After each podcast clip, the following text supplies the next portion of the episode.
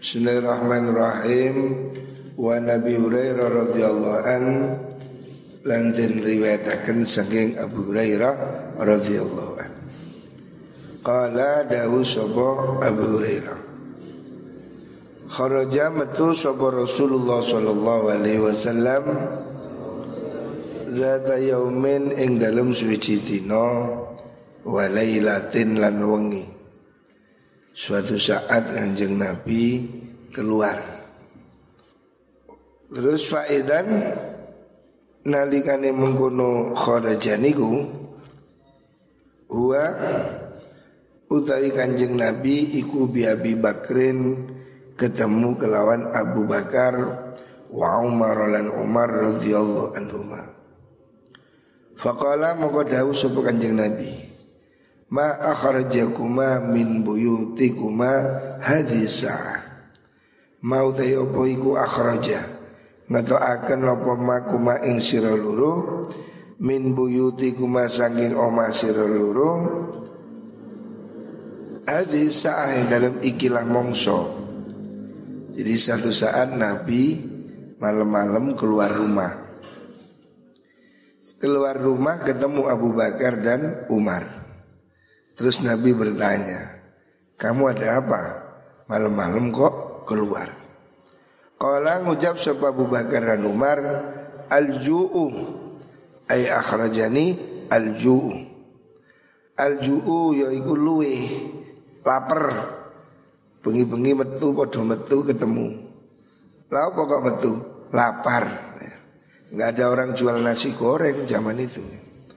Cuma sama-sama keluwen, sama-sama kelaparan di rumah. Akhirnya Nabi keluar, Abu Bakar Umar juga keluar rumah ketemu di pelataran tanya ada apa? Kenapa kok keluar? Anu nabi lapar. Kala daun nabi wa ana aku yo podo wa ana lan ingsun saya juga lapar. Waladhi demi zat nafsi kang utai awa ingsun Iku biyadihi ing dalam tangane alladhi La akhrajani yakti ngetoaken ni ing ingsun Min buyu Liwau ngetoaken ni ing ingsun apa alladzi perporo akhraja kang ngetoaken apa alladzi kuma ing sira luru.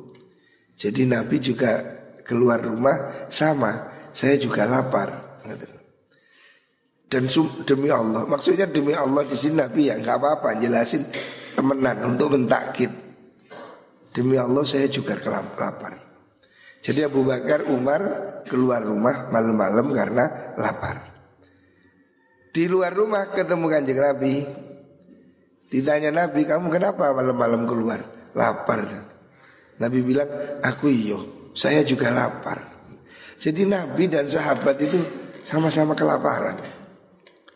Pada zaman itu ya Makanan sulit Belum ada grab food Belum ada warung. Jadi malam nggak ada yang dimakan. Bertiga ini ketemu Sesama lapar.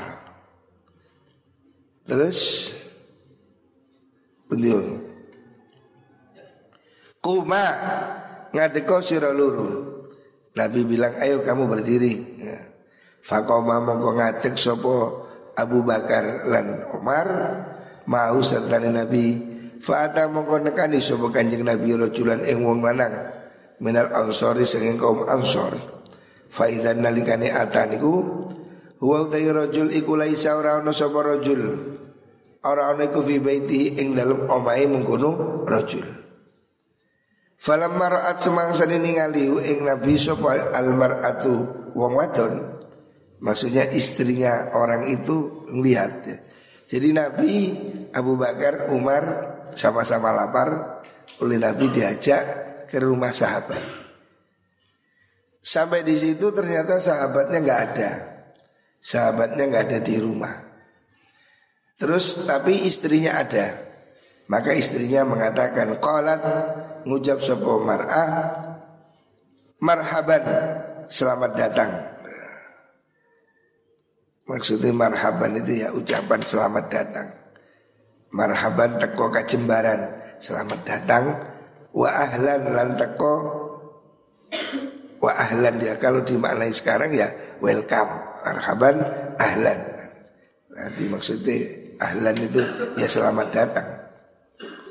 Fakola ngucaplah mari mengkurumar asop Rasulullah Sallallahu Alaihi Wasallam. Aina fulan, aina kamu dalam di fulanun tay fulan. Nabi datang ke situ orangnya nggak ada, istrinya ada. Nabi tanya, suamimu ke mana? Kalau mengucap sopo mar'ah. Zahaba budalan sopo fulan. Yasta'zibu amrih seger Mencari air maksudnya. Karena maring kita minal ma'is yang banyu. Istrinya jawab Suami saya sedang keluar cari air Idja'an uli teko sopal ansori Wong ansor ni wow Tuan rumahnya kemudian datang Fanadoro mongko ningali sapa ansar ila Rasulillah bareng Rasulullah sallallahu alaihi wasallam wa sahibai lan kanca loro ning Kanjeng Nabi. Terus tuan rumahnya datang. Lihat Nabi dan dua sahabatnya Abu Bakar dan Umar. Sumakala nuli ngucap sapa mengkono rajul ansor alhamdulillah. Alhamdulillah sekali uji kulillah Allah. Ma'ahadun ora ana wong suci al yauma ing dalem iki latino iku akrama luwih mulya apane adhyafan pira-pira tamune mini saking ingsun. Sahabat tadi yang didatangi tadi waktu itu nggak ada sebentar lagi datang. Terus dia sangat senang sekali alhamdulillah saya malam ini ada tamu orang-orang hebat ada tamu orang mulia yaitu Kanjeng Nabi dan Abu Bakar dan Umar. Tuan rumahnya senang. Mereka senang Nabi malam-malam mau datang. Fantalakon nuli budalan sapa mengkono ansor Faja'a mongko teko sapa ansor hum ing Kanjeng Nabi lan Abu Bakar bi'adh bi'adqin kelawan sakwadah kurma tuan rumahnya ini seneng terus bawa suguhan sak wadah kurma. Ini harus tradisi ya. Artinya orang-orang sahabat Nabi sejak dulu itu memang orang Arab itu punya tradisi menghormati tamu. Ketika Nabi datang langsung disukui kurma. Fihi kue dalam adkun yusrun. Bi adzkin fihi iku ing dalem mengkono niku wau adzkun adzkun niku sak sak dompel ya sak janjang. Kurma fihi ing dalem mengkono adzkun basrun napa oh busrun nggih kurma nyadam busrun itu kurma yang setengah matang wa tamrun lan kurma garing wa rutabun lan kurma teles. Orang ini senang sekali Kanjeng Nabi datang terus Nabi disuguhi kurma ada yang kering mateng ada yang mentah ada yang setengah mateng ya. saono nih ya. Dia datang seneng maka disuguhi kurma-kurma yang ada. Faqala mongko dawuh sapa Rasulullah sallallahu alaihi wasallam Kulu mangano sira kabeh min hadhihi saking ikilah idkun niku. Wa akhadha ngalap sapa mengkono niku wau ansor niku wau al mudhiyata ing. Kemudian dia ngambil pisau untuk untuk siap-siap ya. Fakola mau menghidangkan sesuatu. Faqala nuli dawu lahu maring mengkuno rajul ansor sapa Rasulullah sallallahu alaihi wasallam. Dawu iyyaka wal halub. Iyyaka ngedono sira wal haluba ing beleh wedhus kang halub. Wedhus kang napa niku? Akeh susune. Maksudnya orang yang ditamui oleh, oleh kanjeng Nabi ini ambil pisau mau nyembelih kambing. Jadi malam-malam saking senengnya ditamui kanjeng Nabi, dia langsung ambil kurma, terus ambil pisau. Maksudnya ambil pisau untuk membelih kambing. Nabi mengatakan jangan kamu sembelih kambing yang sedang nyusui, ya. kambing yang sedang banyak susunya. Gitu. Maksudnya Nabi ngingetin ya cari kambing yang tidak ada susunya, eman karena yang masih ada susunya kan bisa diminum. Fadabaha mongko nyembelih sapa mengkono rajul lahu maring Nabi lan sahabat. Fa'akalu mongko mangan dahar sapa Nabi lan Abu Bakar Umar minasyati sangking wedus. Akhirnya malam itu disuguhi kambing. Jadi sahabat Ansor ini sangking senengnya ditamoni kanjeng Nabi malam-malam itu langsung beleh kambing.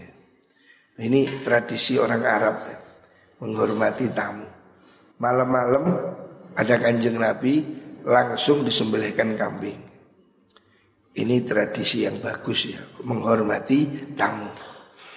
Fakalu nulimangan sapa menggunung sahabat Nabi lan sahabat minas syati saking wedus syati sate wedus wa min dzalikal idkilan saking mengkono dompolani kurma wau akhirnya Nabi makan kambing dan kurma Wasyaribu lan nginum sapa mengkono Nabi lan sahabat. Falamma ansyaba'u semangsane wus warak sapa Kanjeng Nabi lan sahabat niku. Setelah itu kemudian sudah kenyang ya. Nabi disuguhi jamuan istimewa. Malam itu disuguhi kambing, guling ya. Disuguhi makanan enak minum kurma falama ansyabau warawau lan podo seger sapa mengkono nabi lan sahabat malam itu sudah seneng ya ya lapar-lapar tiba-tiba disuguhi makan kan dia seneng ya disuguhi makan kambing orang Arab ini memang tradisinya kan makannya kambing kambing ini memang beda sama sapi sama onta ya. Dagingnya itu mungkin lebih lebih hangat. Nah, begitu sudah makan belih kambing, makan semua selesai. Qala dawu Rasulullah sallallahu alaihi wasallam li Abi Bakrin maring Abu Bakar wa Umar radhiyallahu anhuma Nabi dawuh waladzi demi zat nafsi kang utai awak ingsun iku biadihi dalam kekuasaane alladzi Latus alunna bakal den takoni sira kabeh an hadzal naimi sangi ikilah nikmah yaumal kiamatin dalam dino kiamat. Nabi mengatakan kita jangan enak-enak. Apa yang kita makan ini besok akan ditanyakan oleh Gusti Allah. Akhrajakum ngetakaken kum ing kabeh min buyutikum sanging pira-pira omah sira kabeh apa aljuuluwe kamu keluar rumah tadi kan lapar ya. Ketemu sesama lapar Hanya Nabi Abu Bakar Umar Sama-sama nggak bisa tidur lapar Setelah ketemu di jalan Ternyata sama-sama lapar. Terus Nabi diberi suguhan makan enak. Terus Nabi bilang kita tadi lapar. Tumalam tarji'u.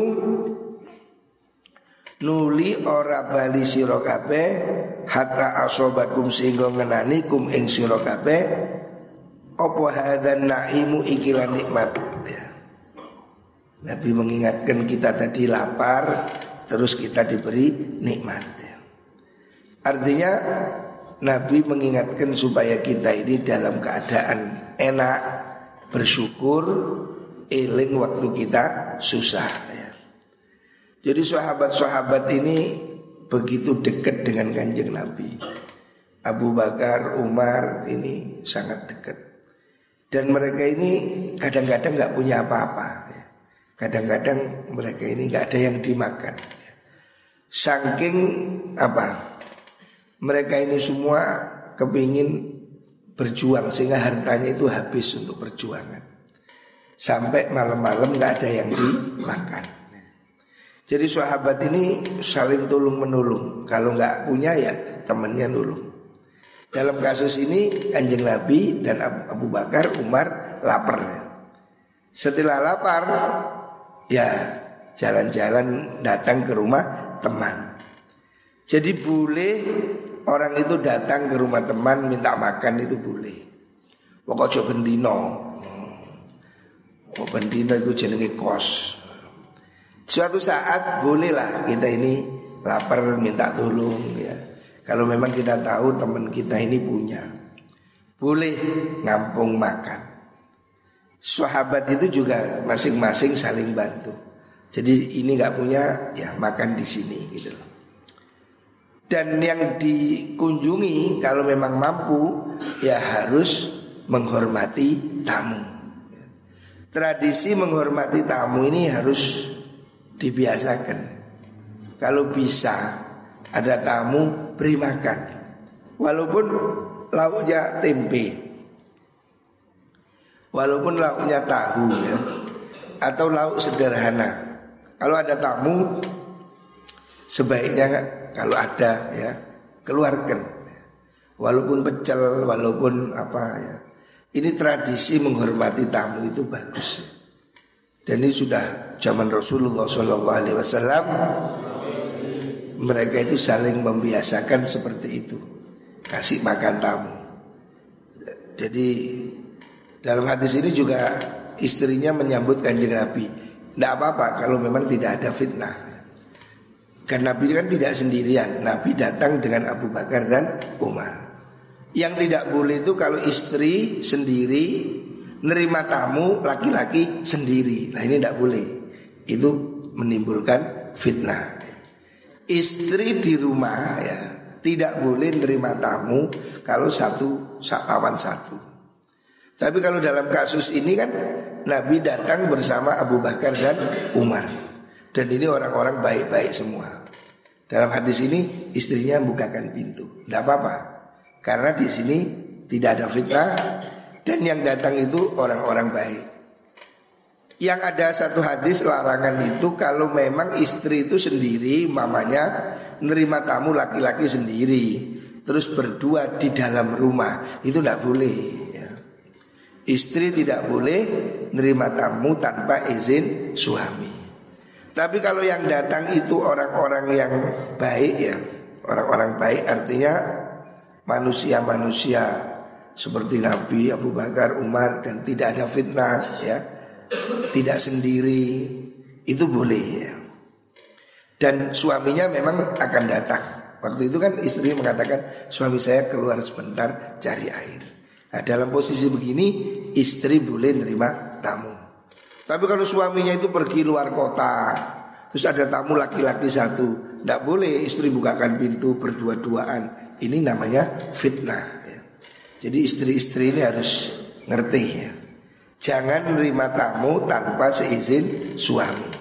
Kecuali kalau itu memang tidak ada fitnah Tidak berduaan Dan suaminya memang segera datang kalau tedawe mengkono mar'a rupane yasta'dzibu ayat lubu tegese nyupri sapa rajul atau fulan al ma'a ing banyu al azba kang tawar.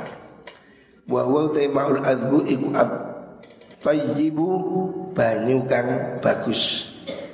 Kalau wal izku temane al izku bekasil ain wa iskanidal al mujamah kang den titik wa wa ilfu iku al kabasatu dompolan kurma janjang kurma. Wa yau kabasa iku al husnu dompolan. Jadi diambil langsung sak dompole dengan tangkainya. Kalau al mudya bidomil mim wa kasriha ya iku sikinu lating gaman. Ini tafsirnya hadis. Al halub le maknane halub iku zatul laban kang duweni susu Nabi bilang jangan sembelih kambing yang sedang menyusui. Wasu'alu utai pitakon. Nabi kan mengatakan kita akan ditanya. Yang dimaksud Anhadan na'im sing ikilah nikmat Iku su'alu ta'didin nikmati. Pertanyaan ya, yang dimaksud kita akan ditanyai Ditanyai tentang apa itu? Hitungannya nikmat Maksudnya kita itu akan ditanyai tentang nikmat-nikmat yang telah kita terima. La su'alu taubihin ora pitakon meleh-melehakan. Bukan sebagai apa penghinaan bukan. wa ta'dzifin nang nyekso wallahu alam wa hadal ansor uta ikilah wong lanang ansor alladzi atauhu kang teko sapa nabi sahabat ing ansor wa yu ansor iku Abul Haitham ibni Taihan namanya Abul Haitham ibni Taihan radhiyallahu anhu kada kaya mengkono niku wau Abul Haitham niku jaa teko apa mengkono tabiin mubayyanan haliden pertelakan fi riwayat Tirmidzi innal meriwayat Imam Tirmidzi wa ghairihi lan liyani Imam Tirmidzi. Jadi hadis ini ya, menerangkan tentang bagaimana sederhananya hidupnya para sahabat. Sahabat Nabi walaupun kadang-kadang juga ada ya, kadang-kadang juga ada yang dimakan, tapi kadang-kadang tidak ada yang dimakan. Artinya mereka-mereka sahabat Nabi ini hidupnya juga sederhana. Kalau hadis-hadis kemarin kan menceritakan tentang rumah tangga Nabi yang kadang sehari masak, sehari tidak masak. Sehari makan, sehari tidak. Lah sahabat ini juga seperti itu. Ada yang kadang-kadang tidak ada. Maksudnya namanya rezeki ini ya kadang ada, kadang tidak ada ada pasang, ada surutnya. Kita-kita ini ya harus belajar menerima hidup apa adanya. Sahabat-sahabat Nabi itu manusia-manusia yang mulia itu juga kadang kekurangan harta.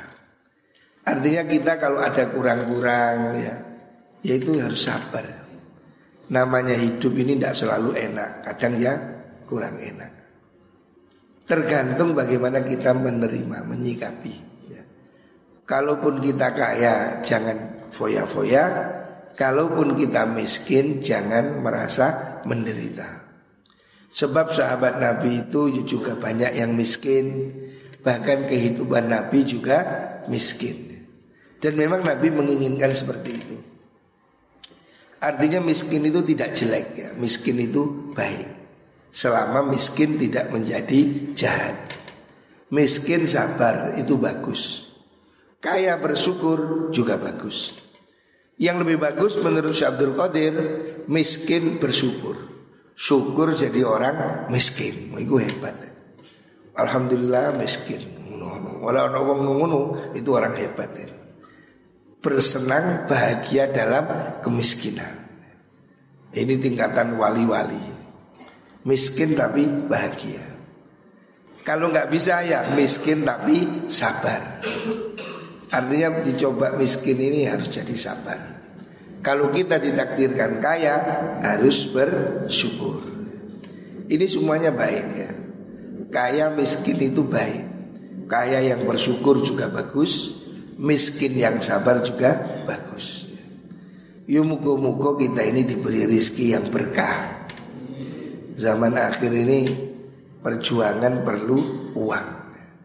Kita ini perlu madrasah yang bagus, perlu masjid yang bagus, perlu apa? Ya hal banyak yang harus didukung dengan uang. Adapun sahabat-sahabat Nabi itu memilih hidup miskin itu ya pilihan, tidak apa-apa. Tapi kalau kita milih hidup kaya juga tidak apa-apa. Bukan berarti kita semua harus miskin, enggak. Nabi kan miskin, kita miskin. Ya kalau kamu siap miskin boleh. Ya. Tetapi kalau kamu kepingin kaya juga boleh. Ya. Ini hanya gambaran hadis-hadis tentang kemiskinan yang dialami Nabi, dialami oleh sahabat. Supaya kita ini kalau miskin jangan menderita. Kalaupun ditakdir miskin, kita tidak sendiri bahwa Nabi dan sahabat-sahabat itu orang miskin. Nabi mencintai orang miskin. Tetapi bukan berarti kita semua harus miskin. Bukan. Nah kalau semuanya miskin, yang zakat siapa? Kita ini kan diperintahkan untuk zakat. Kalau kita miskin, kita menjadi penerima zakat. Yang diperintah itu memberi zakat. Artinya orang Islam ini juga harus kaya. Harus ada yang kaya konteks hari ini penting ya. Ekonomi ini penting ya. Banyak orang ya yang imannya berubah gara-gara miskin. Naudzubillah. Saya melihat berapa orang tidak kuat dicoba miskin. Oleh Allah ditakdirkan miskin tidak kuat. Akhirnya dia naudzubillah melakukan hal-hal yang dilanggar yang dilarang oleh syariat. Hari ini banyak orang tidak kuat kalau jadi miskin. Akhirnya kemiskinan hari ini banyak sekali mendorong orang menjadi berbuat jelek. Makanya kalau saya kepingin santri-santri ini saya kepingin mugo-mugo sugih. Sebab dicoba miskin banyak orang nggak kuat. Orang kena cobaan miskin menjadi berubah ya. Naudzubillah. Adapun kalau kamu memang siap miskin, ya silahkan. Memang tidak kepingin, nggak kepingin naik mobil, nggak kepingin makan pizza, ya nggak apa-apa. Semangat telo, ya nggak apa-apa. Tapi lah iso, ya kita belum tentu. Kita mungkin siap miskin. Anak kita, anakmu bisa jadi nggak nggak kuat, nggak tahan jadi orang miskin. Saya lihat ada artis itu yang anu itu yang yang eh, penampilannya anu-anu itu bapaknya ternyata haji ustadz, kan kasihan. Mungkin tekanan kemiskinan anaknya nggak kuat, bapaknya kuat, sabar. Anaknya nggak kuat, akhirnya ngartis dan ya seronok-seronok atau ya ya seperti itulah yang maksudnya ngumbar-ngumbar aurat seperti itu. Jadi orang hari ini banyak tidak kuat diberi cobaan miskin. Makanya ya kita ini mungkin hadis-hadis ini menjadi motivasi ya. Kalaupun kita miskin, kalaupun ditakdir miskin, jangan bersedih. Sebab kanjeng Nabi mencintai orang miskin. Tetapi kalau kita berusaha, berikhtiar, berdoa, bekerja supaya kaya, mencukupi kebutuhan, sodako, itu juga bagus. Artinya miskin ini bukan satu-satunya kehidupan yang terbaik. Kaya dengan niat sodako, niat berbagi itu juga bagus. Itu juga jihad visabilillah. Bekerja untuk mencukupi diri, untuk bisa berbagi itu juga jihad. Ekonomi ini juga jihad. Moga-moga semua diberi rezeki yang berkah. Moga-moga dimudahkan urusan kita semua oleh Allah Subhanahu wa taala.